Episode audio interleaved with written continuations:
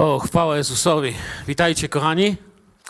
Dzisiaj chciałbym z powrotem zabrać Was do Starego Testamentu.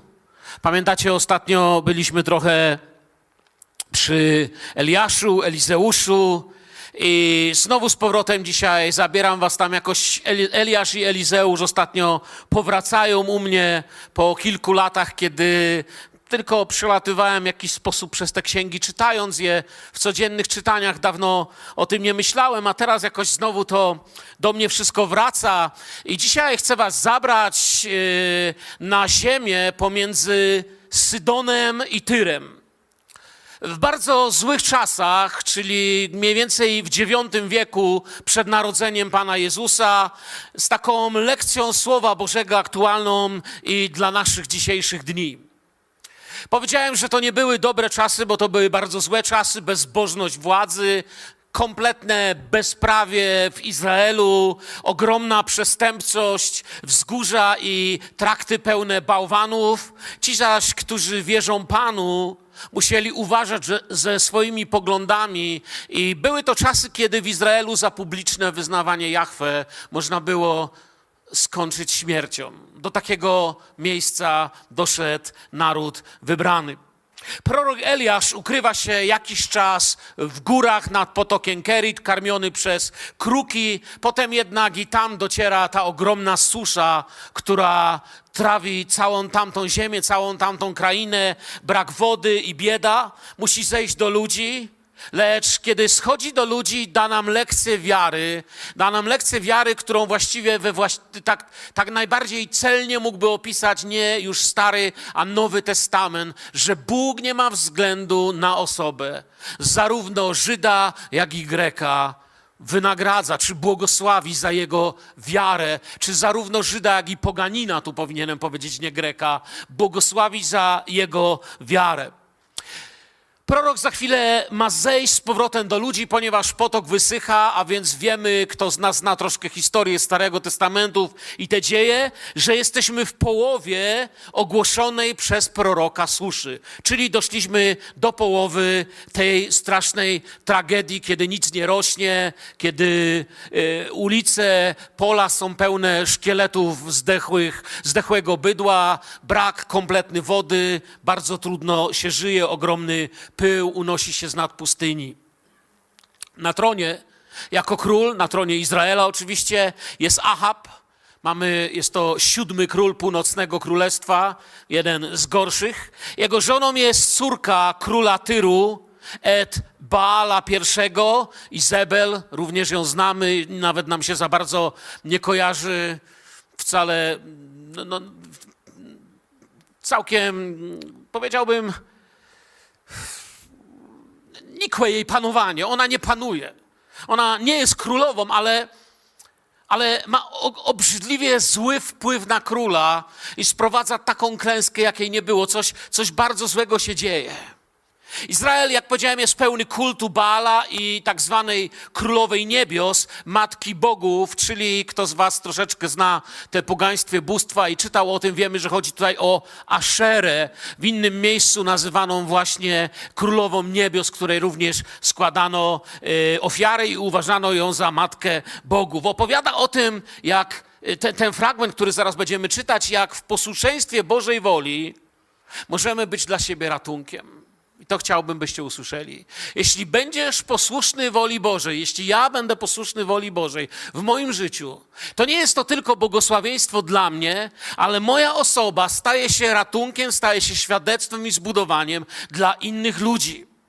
Wiecie, tytuł dzisiejszego wykładu równie dobrze mógłby brzmieć Dzień, w którym skończył się jej dom. Czy dzień, w którą runął jej dom, czy jej marzenia. Jakoś tak. Historia rozpoczyna się od dwóch bożych rozkazów. Posłuchajcie uważnie, wchodzimy w pierwszą księgę królewską, 17 rozdział od 9 wersetu. Na razie przeczytajmy część.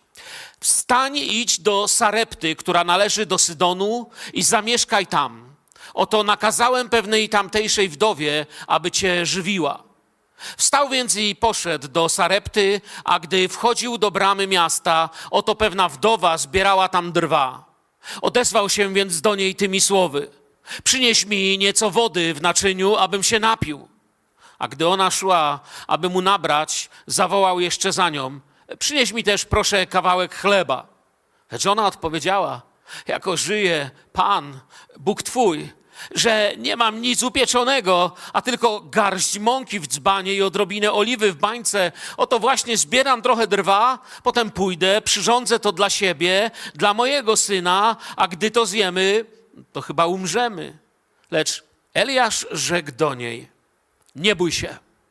Idź i zrób, jak powiadasz, lecz najpierw przyrządź mi, przyrządź mi z tego mały placek, przynieś mi go dla siebie, zaś i syna swojego przyrządzisz później. Gdyż tak mówi Pan, Bóg Izraela. Mąka w garncu nie wyczerpie się, oliwy w bańce nie zabraknie, aż do dnia, kiedy Pan spuści deszcz na ziemię. Poszła więc i postąpiła według słowa Eliasza. Mieli co jeść ona i on i jej rodzina dzień w dzień. Mąka w garnku nie wyczerpała się. Oliwy w bańce nie zabrakło według słowa Pana, które wypowiedział przez Eliasza. Jak powiedziałem, Boży ratunek przychodzi zawsze przez posłuszeństwo woli Bożej. Ponieważ wtedy jesteśmy we właściwym miejscu, tam, gdzie jest dla nas Boże zaopatrzenie. Pamiętacie, kiedy Abraham yy, przeżywał swoją próbę wiary, to już w momencie, kiedy położył na ołtarzu swojego syna, Bóg zatrzymuje jego dłoń, jego rękę z nożem i mówi: Spójrz tam, tam w krzaki uwikłał się baranek. Na tej górze, w tej chwili, w tym dokładnie momencie, wierny i posłuszny woli Bożej doświadcza tego, co przygotował dla niego Bóg. I tak jest w każdym miejscu. Do ukrytego na odludziu Eliasza dochodzi Słowo Boże. Bóg wiedział, gdzie jest Eliasz. Wiedział też o dramacie pewnej poganki, bo tutaj mówimy o pogańskiej kobiecie, pogańce i to jeszcze z ojczyzny Izabel właśnie. Wiedział o dramacie pewnej ubogiej wdowy. Dlatego wyrusza w tym kierunku i wchodzi do Sydonu, jednego z centralnych miast kultu Baala jednej ze stolic kultu Baala. Dlaczego, myślałem sobie najpierw tak, dlaczego Eliasz nie poszedł gdzieś, nie wiem, do Jerozolimy? Albo chociaż do Samarii, albo do jakiegoś takiego miasta, żeby lepiej brzmiało, nie? Byłoby lepiej, jak i wszedł do Jerozolimy w Bożej chwale, nie? Lepiej, nie? Ale nie, Bóg mówi, ja was chcę czegoś nauczyć. Chcę wam coś pokazać. Dlaczego właśnie wchodzi do Sydonu i to jeszcze takiego centralnego y, miasta obciążonego właśnie rozprzestrzenianiem kultu Baala? Miejsca, gdzie, gdzie, gdzie właśnie się o to najbardziej dba. Myślę, że najlepszą odpowiedź, dlaczego właśnie tam idzie, daje nam Pan Jezus. Nie musicie tego czytać, nie, nie będziemy tego fragmentu szukać w Słowie Bożym, ale w Ewangelii Łukasza mówi, że żaden prorok nie jest uznawany w swojej ojczyźnie. Pamiętacie? I mówię prawdziwie zaś mówię wam, bo oni nie wiedzieli o co mu chodzi. Głosi pierwsze kazanie, głosi do ludzi i nagle mówi: Słuchajcie, prorok nie jest uznawany w Bogu. Chcę Wam coś ważnego powiedzieć, jeśli chodzi o wiarę. Bóg posyła tam swoje prorocze słowo, Bóg posyła tam swoje działanie, gdzie jest grunt wiary, gdzie może zacząć działać. I mówi Pan Jezus wtedy do nich: Wiele było wdów Izraelu w czasach Eliasza. Były czy nie były? Były. On mówi: Wiele było. Kiedy niebo było zamknięte przez trzy lata i sześć miesięcy, mówi Jezus, tak iż był wielki głód na całej ziemi. I wtedy Jezus dodaje, ale czy a do żadnej z nich nie został posłany Eliasz, lecz tylko do wdowy w Sarepcie Sydońskiej. Nie? Dla nas to brzmi, wiecie, nam się te nazwy mylą, ale dla nich to było, to, to, to było, to, to było straszne.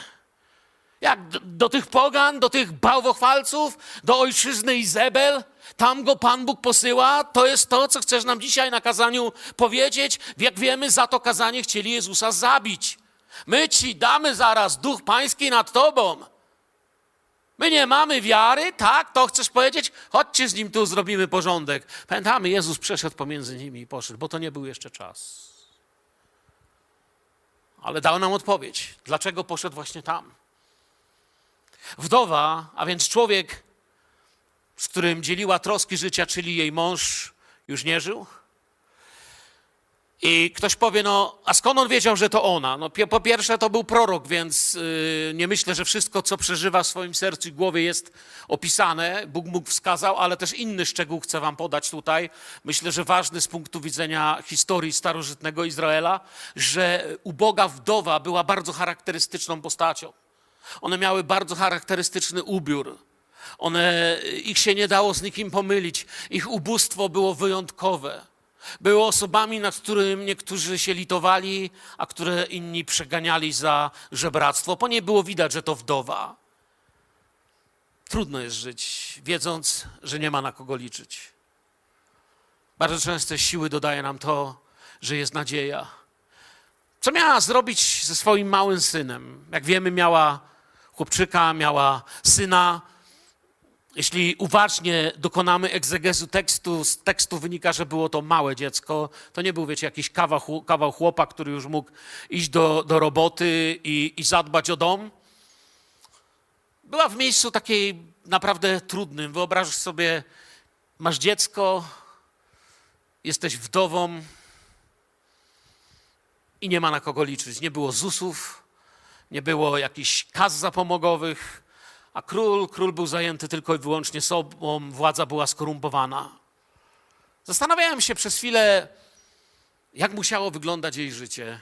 Pewnie czasami bawił się w jej ubogiej izbie, którą wynajmowała, ponieważ według tamtejszych przepisów wdowa nie dziedziczyła a więc ratowało ją też, że jest z nią synek. Nie wiemy, w jakiej była sytuacji prawnej. W każdym razie chcę Wam powiedzieć, nie była to dobra sytuacja dla kobiet, które doświadczały takiego problemu jak ona.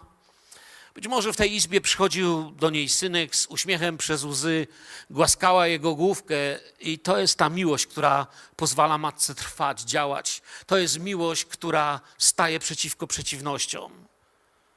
Nie wiem, jak tam było, nie byłem, nie widziałem, ale mam wyobraźnię, wiem, że Duch Święty zwrócił uwagę na ten dom. Być może on, kiedy go pogłaskała, biegł dalej się bawić, y, zbierał patyki, nie wiem, może miał drewnianego konika, którego wyrzeźbił mu tata i tyle zostało. Nie, nie wiem, co miał.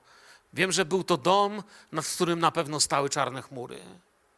Wszystko, co mieli, wydawało się przeszłością, a przyszłość była ponura i zła. Wiecie, co tak wygląda życie niektórych ludzi dzisiaj? Wszystko, czym są, co mają, wydaje się przeszłością. A przyszłość byłoby właściwie lepiej, jakby jej nawet może i nie było. Nie wiem, w jaki sposób Bóg nakazał jej, by przyjęła męża Bożego. Duch Święty nam tylko pokazuje, że to jest to, co Bóg jej nakazał, co Bóg uczynił w jej życiu. Nie wiem, jaki to był proces i jak to się działo. Wiem tylko, że to zrobił. Przygnieciona biedą i problemami, poszła zbierać drewno. Wszystko to, co miała, to dziś, a im więcej powie, tym bardziej widzimy, że miała tylko dziś, a jutro było odległą niemożliwością. Wszystko, co mam, to dziś. Wszystko, o co mogła się zatroszczyć, to dziś. Bóg zobaczył w niej coś, czego nikt w tamtych ciężkich dniach nie widział. Zobaczył wiarę i zobaczył, że dziś, dziś za pomocą siły, którą dawała jej miłość, było obsługiwane jej ciężką pracą.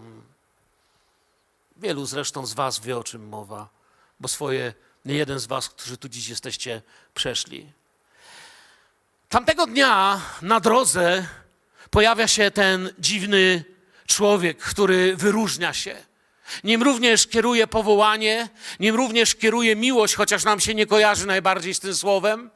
Na pewno nie było to dla niego dobre miejsce, żeby pójść, chociaż jeszcze nie był tak znienawidzony, jak będzie już dwa rozdziały później, bo wiemy, co potem zrobić z prorokami i tak dalej. Z prorokami Baala mam na myśli ale Eliasz i pogańska wdowa wchodzą do Bożej szkoły wiary, o której dzisiaj chciałem Wam powiedzieć. Jakże dwa różne poziomy wiary, jakże dwa różne poziomy poznania Boga spotykają się przez wolę Bożą, aby w jedności stawić czoła temu, co się ma stać. Myślę, że piękny rodzaj takiego praobrazu typu kościoła, typu relacji, typu duszpasterstwa, świadectwa, przekazu wiary.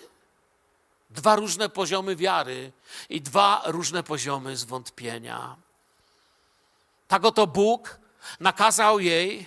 Coś, co się, kiedy, ja wiem, że większość z nas czytała Biblię więcej niż raz jakby już nie tyle nie dziwi nasz treść, chociaż ciągle przez Ducha Świętego odkrywamy oczywiście nowe rzeczy, nowe y, rzeczy, które robią, że mówimy, ach, i tego nie widziałem, to prawda, ale czytając pierwszy, pierwszy, pierwszy raz całkowicie wolnym od takich, wiecie, kościelnych myśli z nabożeństwa, które czasami mamy, nie wydaje się wam dziwne, że wszechmogący Bóg Jahwe mówi do ubogiej wdowy, której nikt nie zna, która nikogo nie obchodzi. Kiedy umrze, to psa skulawego mnogo nie obchodzi, co się z nią stanie, a prawdopodobnie chłopiec, jeśli nie ma krewnych, zostanie gdzieś sprzedany.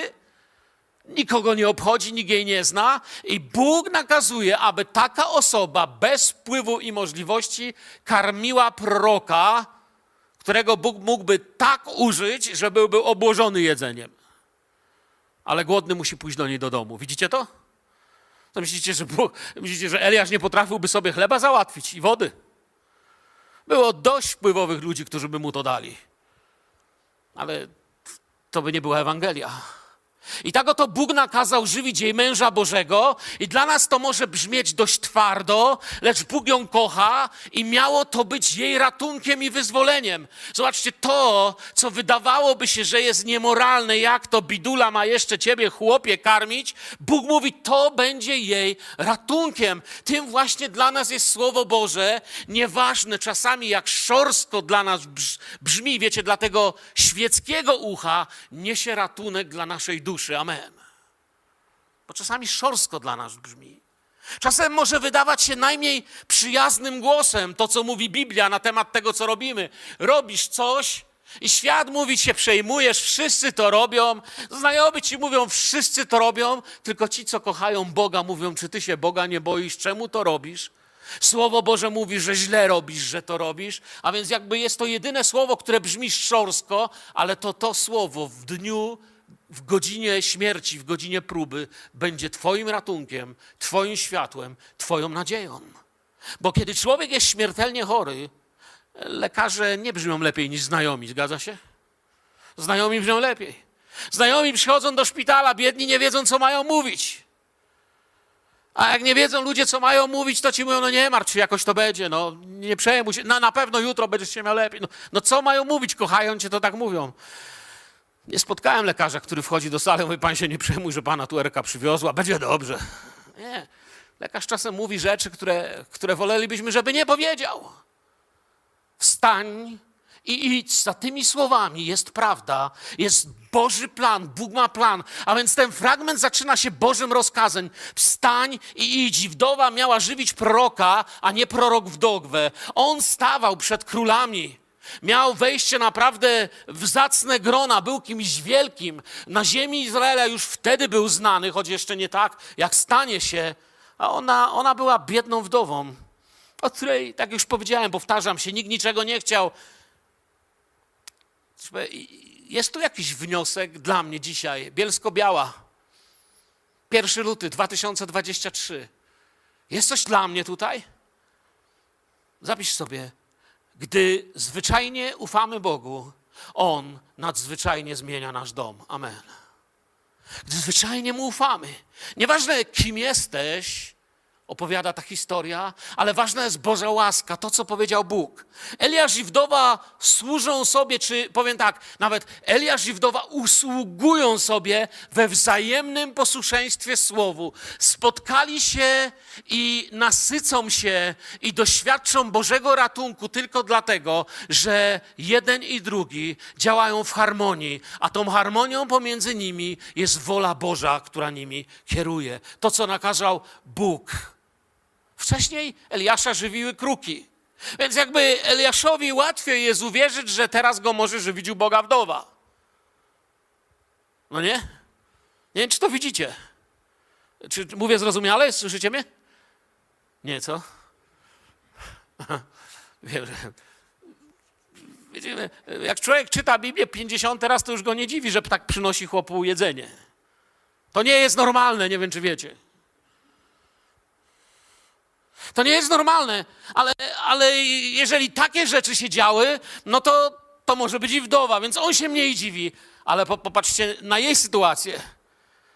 Jeszcze wyobraźcie sobie, co by było, gdyby jakiś gość wszedł i powiedział, że wcześniej mnie karmiły kruki, teraz będziesz ty. Nie może być normalny. Ale jest.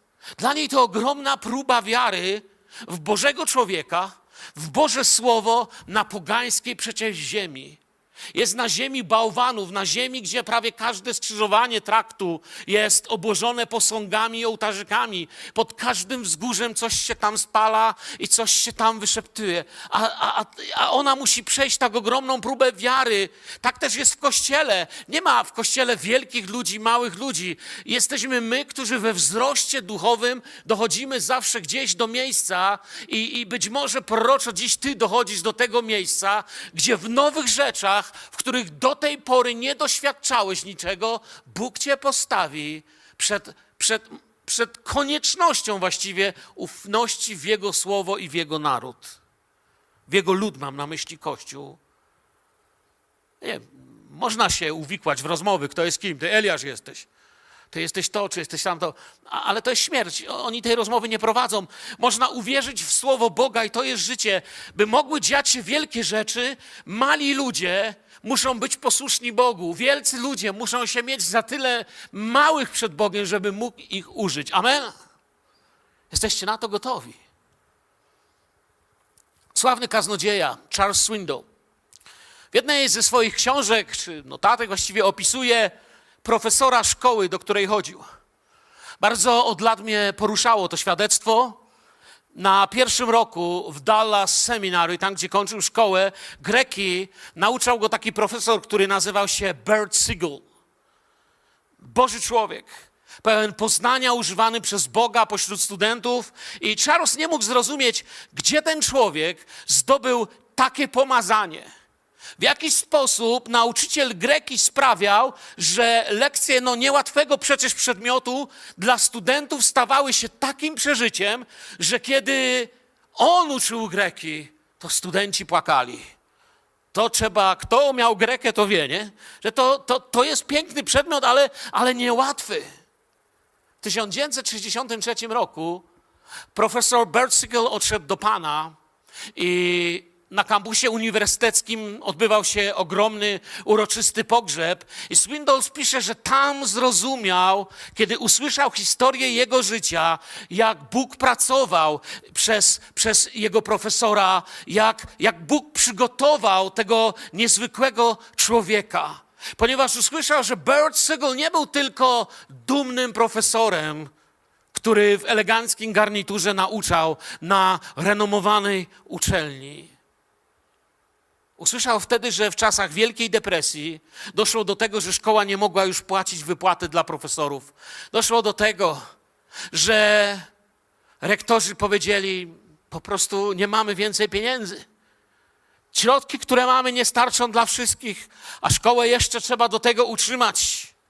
Profesor Bertzegel bardzo, bardzo chciał nauczać, kochał swoich studentów, dlatego dla zaoszczędzenia wydatków szkoły zgłosił się do rektora do pracy jako sprzątaczka na tym uniwersytecie, bo to musiało być również zrobione, jeśli miał funkcjonować. Po lekcjach wieczorem, na początku nikt go nie widział. Bertzegel wynosił śmieci, mył ubikacje, sprzątał, Sprzątał klasę, w której rano w garniturze jako profesor będzie uczył studentów, którzy nie mieli pojęcia, kto wieczorem posprzątał to miejsce. Będzie usługiwał ludziom, których kochał i robił to, co kocha. I Swindoll pisze, wtedy zrozumiałem, co było w moim starym profesorze niezwykłego. Zrozumiałem, co zdobyło serca i wiarę tych młodych studentów. W tym starym profesorze był Boży skarb. Aby Eliasz mógł służyć wdowie, musi najpierw przyjąć służbę wdowy, przyjąć ją od niej. By być proszonym, trzeba najpierw prosić, Bóg pyszny się przeciwstawi, ale pokornym cuda daje. To łaska, łaskę daje. Pokornym cuda daje. Cud jest u Boga odpowiedzią na wiarę.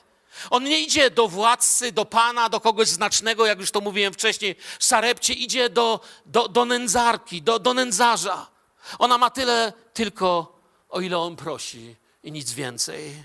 Nad wszystkim tym zaś jest wyciągnięta Boża ręka. Jeśli chodzi o dawanie, wiara jest wtedy, kiedy pierwocinę kładziesz przed Panem. Dziesięcinę. Wiara nie jest wtedy, kiedy masz tak dużo, że możesz się podzielić jakimś procentem, ale kiedy masz to, czym cię Bóg pobłogosławił i z miłości i wiary do Boga mówisz, oto to, co mam, kładę przed Tobą. Jeśli to, co przed Tobą kładę, nie pomnożysz w Twoim błogosławieństwie, to mieć wcale nic nie będę. To jest to, co się tutaj dzieje. Ona ma tylko tyle, o ile on prosi. Nad wszystkim tym zaś jest wyciągnięta Boża ręka. Prowadzony tym, tym Bożym pomazaniem, zwyczajnie prosi. Zwyczajnie prosi, przecież to jest Eliasz, ludzie. Ale nie zadrży ziemia. Nie wchodzi, nie mówi, wdowo. Wtedy każdy by mu dał. Król by przyleciał, też by mu coś dał. I on zwyczajnie prosi, wody dasz? Bo, bo wracam z miejsca, gdzie, gdzie wszystko wyszło. Ja nie wiem, ile ona wody miała, na pewno niewiele. Wodę wymierzano już w tamtym czasie. Wdowa idzie, by podzielić się wodą, lecz wtedy okazuje się, że facet woła momencik jeszcze. Przepraszam, można jeszcze do stolika poprosić z powrotem pana? Yy, panią i chleba jeszcze. Daj palec, zjedzą całą rękę, tak? No nie, chleb. Człowieku, my nie mamy chleba, jako żyje, Twój Bóg do niego mówi, Twój Bóg. Ona wie, że to nie jest ktoś stąd, to nie jest ktoś, kto reprezentuje Baala, który, który jej nie pomógł. Miała trochę mąki, nic więcej. Nic nie przyniósł, a chciał tak naprawdę wszystko. Czy można się bardziej pomylić człowieku, niż mnie poprosić o coś? Czy można się bardziej pomylić, niż poprosić tego, który tak bardzo wszystko rozdał, że skończył na drzewie krzyża zaliczony do przestępców? Czy można tak bardzo się pomylić innymi słowami, bo wiara prowadzi do miejsca, gdzie to, co jest dawane, jest dawane z miłości. Miłość nigdy nie bierze, miłość zawsze daje, miłość nigdy nie sprzedaje, miłość zawsze daje. Jeśli coś jest sprzedane, niepotrzebna jest miłość. Jeśli coś jest dane, a więcej nie ma, potrzebna jest miłość połączona z wiarą. Czy można się bardziej pomylić, ktoś by powiedział. Tak czasem ludzie patrzą na Boga. Bo to, co Słowo wnosi do, do naszego życia, jest niewidzialne. To, to dopiero się oczy muszą otworzyć. Jesteś skuteczny i szybko staje się wi, widzialne. Zmęczoną, drżącą od głodu dłonią Zbieram drewno, człowieku, by przyrządzić nasz ostatni posiłek. Czy ty wiesz, że chcesz wszystkiego, co mamy?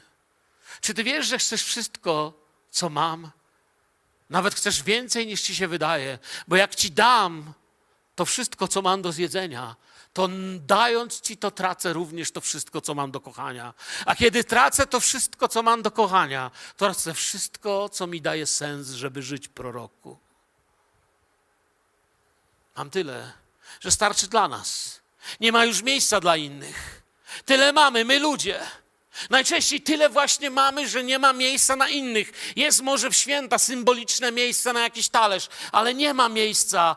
Czy przy naszym stole, i nie mam na myśli świąt Bożego Narodzenia, mam na myśli nasze serce, nasze nasze szafarstwo, nasz sposób podejścia do dóbr, czy przy naszym stole, przy podziale dóbr jest miejsce na wolę Bożą? Czy jest miejsce na danie tego, że jeżeli to by nie było święte, to reszty nie będzie? Kochana wdowo, Pan Cię będzie uczył Łukasz 17 rozdział od 33 wersetu mówi: Ten, który zabiegać będzie o życie swoje, by je zachować, utraci je, a kto utraci je i wdowa właśnie traci życie, odzyska je.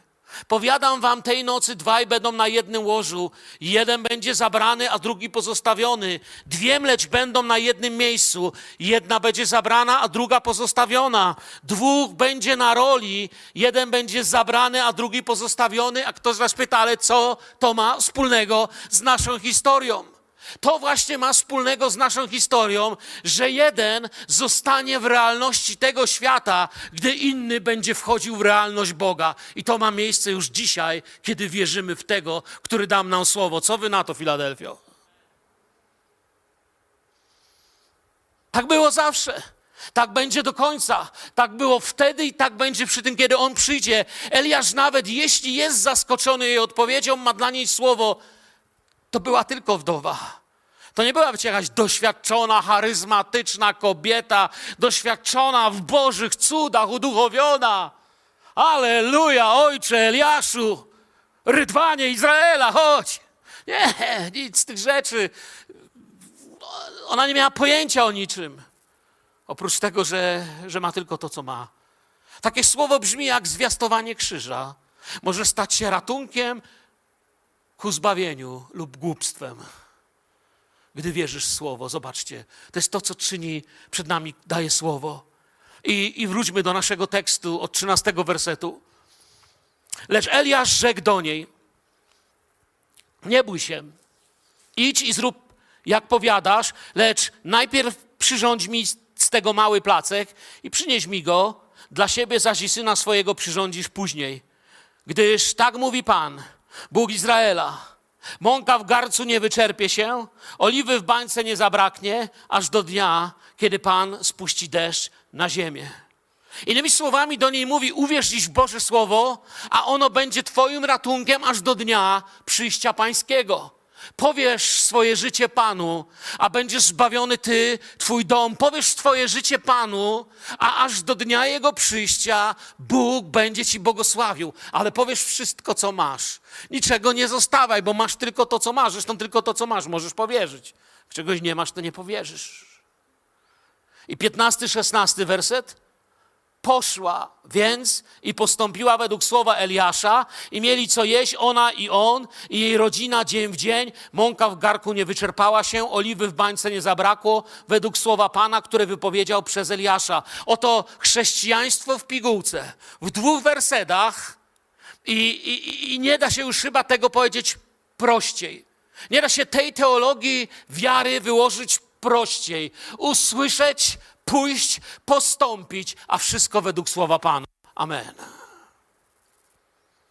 Tak człowiek wielkiej wiary i kobieta prostej wiary zwyciężyli pośrodku katastrofy. Mąka w garku i oliwa w bańce nie kończyły się. Wcześniej było ich tylko tyle, tylko tyle wystarczyło, żeby umrzeć.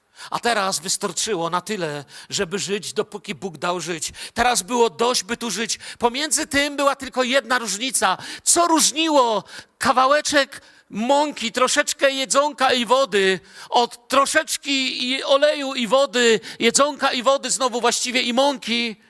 Co różniło te dwie potrawy, że tu to było wszystko, co miała, a tu się nie kończyło? To, co było różnicą, jest również różnicą w moim życiu. Jest różnicą w tym, co dzisiaj tutaj siostra, znów cię cytuję, nie wiem czemu, drugi raz. Czy znaliście mnie, jak byłam niewierząca, powiedziałaś, pamiętasz? Czy znaliście mnie? Gdyby tu koło mnie mógł stanąć Mirek z tamtych lat i ten, powiedzielibyście, no, właściwie no, tylko włosy mają takie same, ale ten ma mniej. Ten ma mniej. Wiecie, co nas różni? Wiara. Ciebie od tamtego kogoś, kim byłeś, różni co? Wiara. Przez wiarę przyjąłeś rzeczy, które zaczęły zmieniać Twoje życie. Pomiędzy tym jest różnica Słowa Bożego i nastały dobre dni w naczyniach nie było dna, a w domu nie było głodu. Każdy dzień był okazją, żeby chwalić Pana i gdyby to była nowelka, to tu by się kończyła yy, takim zdaniem i żyli długo i szczęśliwie i tak dalej, chwalić Pana i tak dalej, cieszyć się Jego łaską i oni chwalą Pana, nędza odeszła z ich domu. Może nie mam wiele, może nie masz wiele, ale masz, co Bóg ci dał. Możemy, naprawdę nie boję się, że nie będę miał co jeść. Może nie mamy wiele, ale mamy Boże zaopatrzenie na te dni. Możemy nie mieć tego, co chcielibyśmy mieć, ale mamy od Boga wszystko, co potrzebujemy mieć. Nie zapominajmy dziękować Panu. Wdzięczność jest jedną z cech Kościoła. Amen. I po tych, zamiast skończyć, mamy jeszcze parę wersetów bardzo dziwnych. Od 17 wersetu dalej. Po tych wydarzeniach zachorował syn tej niewiasty, właścicielki domu, a tak się wzmogła jego choroba, że przestał oddychać. Wtedy ona rzekła do Eliasza: Cóż ja mam z tobą, mężu Boży? Przyszedłeś do mnie po to, aby przywieźć na pamięć mój grzech i przyprawić o życie mojego syna? Lecz Eliasz rzekł, daj mi twego syna. Potem wziął go z jej łona i wyniósł do izdebki na poddaszu, gdzie mieszkał i położył go na swoim łożu. Następnie zawołał do Pana tak, Panie, Boże mój, czy także na tę wdowę, u której jestem gościem, chcesz sprowadzić nieszczęście, pozbawiając życia jej syna? Potem wyciągnął się trzy razy nad dzieckiem i zawołał do Pana tak: Panie, Boże mój, przywróć proszę życie temu dziecku. I wysłuchał Pan prośby Eliasza i wróciła dusza tego dziecka do niego i ożyło. Eliasz wziął dziecię, zniósł je z poddasza na dół i oddał je jego matce, mówiąc: Patrz, syn twój żyje. Wtedy rzekła kobieta do Eliasza: Teraz poznałam, że jesteś mężem Bożym i słowo Pana naprawdę jest w ustach twoich. Bo życie człowieka nie zależy od dostatku chleba i innych dóbr. Tego uczy nas tych osiem wersetów Słowa Bożego. Wyłania się kolejna biblijna lekcja, jakiej uczymy się wraz z biedną wdową. Gdy głód nie był już problemem, pojawia się straszniejszy gość pod dachem, i tu się też pojawia teologiczna dyskusja, którą powiem wam tylko na marginesie, wam coś teraz powiem. Nie musicie w to wierzyć. Nie jest to wiara zbawienna. Nie wiem, czy zwróciliście uwagę, nikt z was nie zwrócił uwagi, że przed chwilą powiedziałem, że tu się pojawia nowa lekcja wiary z ubogą wdową. Zauważyliście? Problem tylko, że mamy tutaj problem. Wielu komentatorów, w tym również żydowskich, uważa, że jest to inna historia, inna wdowa. Ponieważ tam wdowa była uboga. A tutaj wdowa z języku hebrajskim nie jest nazwana ubogą wdową, ale jest nazwaną właścicielką domostwa. Więc na pewno nie jest to uboga wdowa. Czy tak była błogosławiona przez te lata, że to ta sama, ale się wzbogaciła? Czy też inna? Oczywiście w polskim przekładzie, jeśli się cofnę do polskiego przekładu, to tutaj mamy napisane tak. Poczekajcie, muszę się cofnąć do Biblii. Po tych wydarzeniach zachorował syn tej niewiasty i to nas tutaj myli. Bo mamy tej niewiasty, ale, ale, ale to nie tak tutaj jest. To jest ciekawe. To tak na marginesie wam podałem, żebyście mieli zagrychę. Co z tym zrobić? Niektórzy z was wiem, że są tacy, jesteście niektórzy niesamowici. Ja wiem, że będzie teraz grzebać. Grzebcie. Macie coś lepszego niż ja, to znajdziecie. Popatrzyłem w kilka źródeł i znalazłem obydwie opinie i jedna i druga strona potrafi je świetnie bronić. Gdy się nawracamy lub jesteśmy posłuszni, to nie znaczy, że jesteśmy już w niebie, ciągle mieszkamy na ziemi. To wiem z tej historii. Jeśli mnie zapytacie, co ty myślisz, ja sobie myślę, że to była ta sama wdowa, tylko że teraz już nie była biedna. Szczerze mówiąc, gdyby wtedy, kiedy oglądałem jej krok wiary i Boży ratunek, w następnej historii, kiedy nie wiem ile czasu minęło, ale minął jakiś czas, nadal była biedna, no to zapytałbym się, czy jest uczciwa czy wobec tego, czym zarządza, nie? No bo przecież co, Bóg nadal ją w biedzie takiej trzyma? Nie myślę, nie, nie chcę tu jakiejś Ewangelii prosperity głosić teraz, życie nawróciła się i ma być bogata. Ale faktem jest, że Bóg zaopatruje swoje dzieci. Tylko wszystko, co chcę powiedzieć, żeby ktoś nie włożył czegoś, co nie chciałem tu powiedzieć. Gdy się nawracamy, jesteśmy posłuszni, nie znaczy, że jesteśmy w niebie. Jeszcze jesteśmy na ziemi. Czy gdy martwy syn do końca złamał serce ubogiej wdowy, a może już nie ubogiej wdowy, właścicielki domu? Czy wiara miała jeszcze jakieś znaczenie? Przechodzimy tu do tej historii. Myślę, że ogromne. Świat powie, to zostawcie w spokoju teraz. Teraz dopiero ta kobieta jest naprawdę biedna. Straciła syna i po co jej to wszystko? Ale Słowo Boże nie zgadza się z takim czymś, zostawcie teraz. Nie, to jest właśnie dzień wiary. Eliasz teraz będzie musiał wierzyć za nią i za siebie. Słowo Boże powie przez wiarę w Hebrajczyków 11, ale tylko pierwsza połowa, 35a przeczytajcie, jeśli będziecie szukać, yy, bo tylko na to chcę zwrócić uwagę waszą teraz. Kobiety otrzymały z powrotem swoich zmarłych przez wskrzeszenie. Wierzycie, że to jest Słowo Boże, co teraz przeczytałem? Wierzycie czy nie? Boją się niektórzy, bo wiem, że boicie, kaznodzieje lubią nabierać. Robią to, bo to jest fajne, ale ja teraz tego nie robię. Kobiety otrzymały z powrotem swoich zmarłych przez wskrzeszenie. To jest naprawdę z Hebrajczyków 11, 35. Ciekawe jest, że taki mąż wiary jak Eliasz, nie wiem, czy sobie zdajemy z tego sprawę, nie jest wspomniany w Hebrajczyków 11. Jako bohater wiary, a ewidentnie przecież był nim. Więc być może to właśnie dotyczy jego. Być może właśnie o nim mówi list do Hebrajczyków tutaj. A Jeremiasz dodaje w 32 rozdziale, 27 werset: Oto ja jestem Pan Bóg wszelkiego ciała, czy jest dla mnie coś niemożliwego? I to nas sprowadza z powrotem do tego pokoju. Chłopiec leżał martwy i już nie oddychał. Nie wiemy, na co zachorował, ale warunki, w jakich żyli, dawały dość okazji do ciężkich chorób. Wdowa załamała się. Wiedziała, że życie będzie teraz straszne, że będzie właściwie jeszcze straszniejsze. Do tej pory żyła dla chłopca, a teraz została sama. On był jej pociechą, jego dziecięca radość wnosiła sens jej życie. W swojej rozpaczy zaczyna winić Eliasza. Tak ja to widzę. Choć najwięcej pomagał, to właśnie taka jest rozpacz.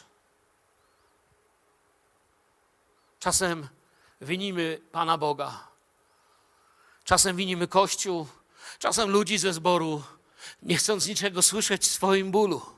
Czasami nasza prawdziwa wiara rozpoczyna się wtedy, kiedy machamy pięścią do nieba. Kto nie doświadczył takiej, roz, ro, takiej rozpaczy, nawet nie wie, o czym ja teraz mówię.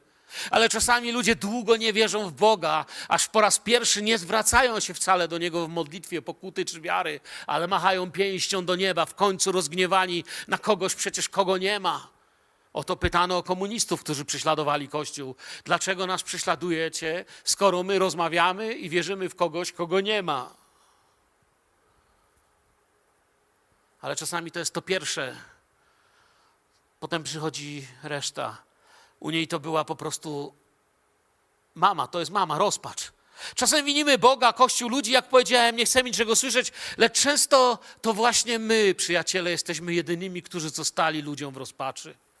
Dlatego często powiem wam tak, jako nawet pastor, przyjaciel, brat, ludzie mi czasami mówili różne rzeczy, które najpierw mnie raniły, a potem zdawałem sobie sprawę, że, że niepotrzebnie staję się pępkiem swojego świata, że patrzę tylko na siebie. To nie mnie ci ludzie ranią, oni są zranieni. Mnie tylko, powiedziałbym, opryskało ich bólem. To nie o mnie chodzi i nie ja się powinienem gniewać.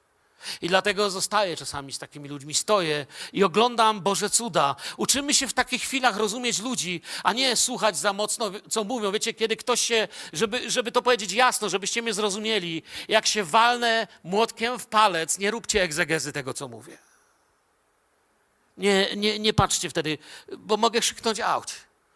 Eliasz nie mówi nic.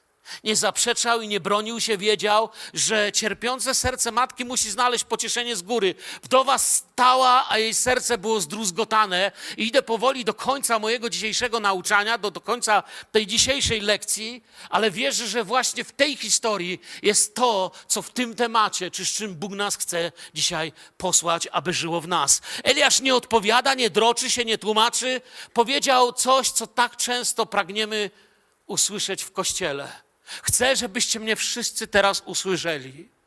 Następnym razem, kiedy ktoś przyjdzie i wykrzyczy wam w oczy, że jesteś obłudnikiem, że nie ma Boga, że Kościół nie działa, bo jemu się przydarzyło to, czy to, czy to, bo jego dzieci, zobacz, bo moje to, bo moje tamto, siamto. Nie rozliczaj człowieka za jego ból, stań się Bożym olejkiem pomazania i uleczenia. I Eliasz powiedział największe słowa. Jeżeli dzisiaj na tej sali są rodzice, których boli postępowanie ich dzieci, to już widzą to zdanie: daj mi Twojego syna. I to jest to, co chciałbym, żeby wielu rodziców usłyszało z kościoła z Filadelfii, jeśli chodzi o naszą służbę i modlitwy. Usłyszeliście mnie, Filadelfio? jeśli chodzi o naszą służbę, nasze modlitwy, żeby ludzie usłyszeli coś więcej niż psychologię. Ja nie jestem przeciwko, lubię czytać. Żeby usłyszeli coś więcej niż teologię. Kto mnie zna, to wie, że mi się chałpa od książek teologicznych ugina. Nie ma nic przeciwko, ale wiem, ale wiem, ale wiem, że najbardziej w, do, w dolinie cienia chcę usłyszeć, jak ktoś powie: Daj mi Twój problem. A Ty? Nie to chcesz usłyszeć, kiedy Cię boli? Daj mi Twój problem. On na niego położył nasze choroby. Ranami jego osińcami jesteśmy uzdrowieni. To na nim został położony ciężki krzyż, na którym były wszystkie nasze winy, nasze przekleństwa i wszystkie nasze zło.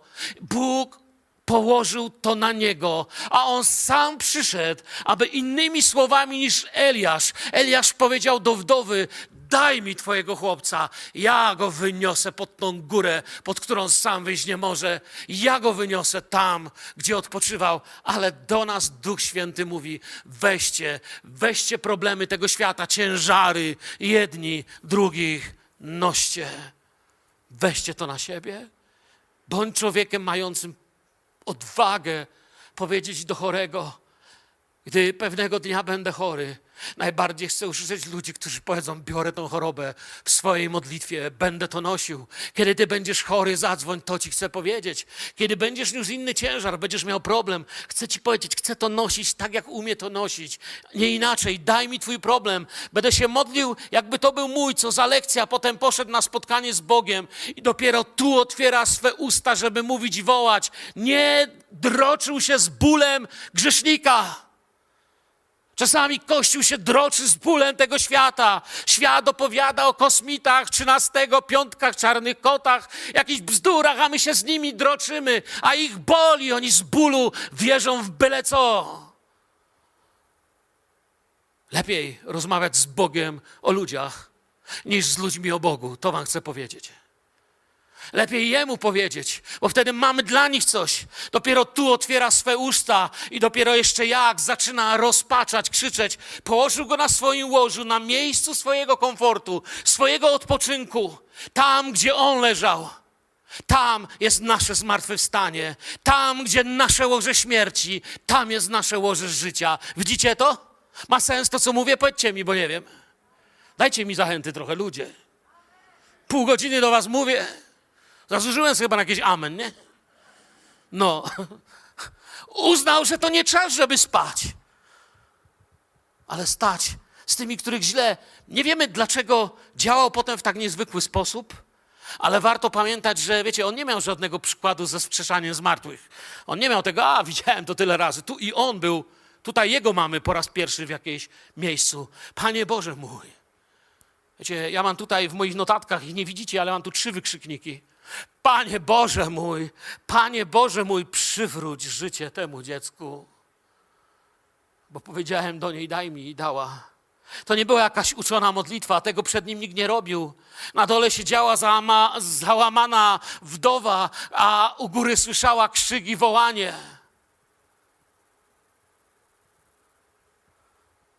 To wołanie odbiło się echem przez wieki. Następnym razem tym samym duchu wołanie będzie słychać: Ojcze, wybacz im, bo nie wiedzą, co czynią. I podniesie do życia wielu, który, którzy umarli.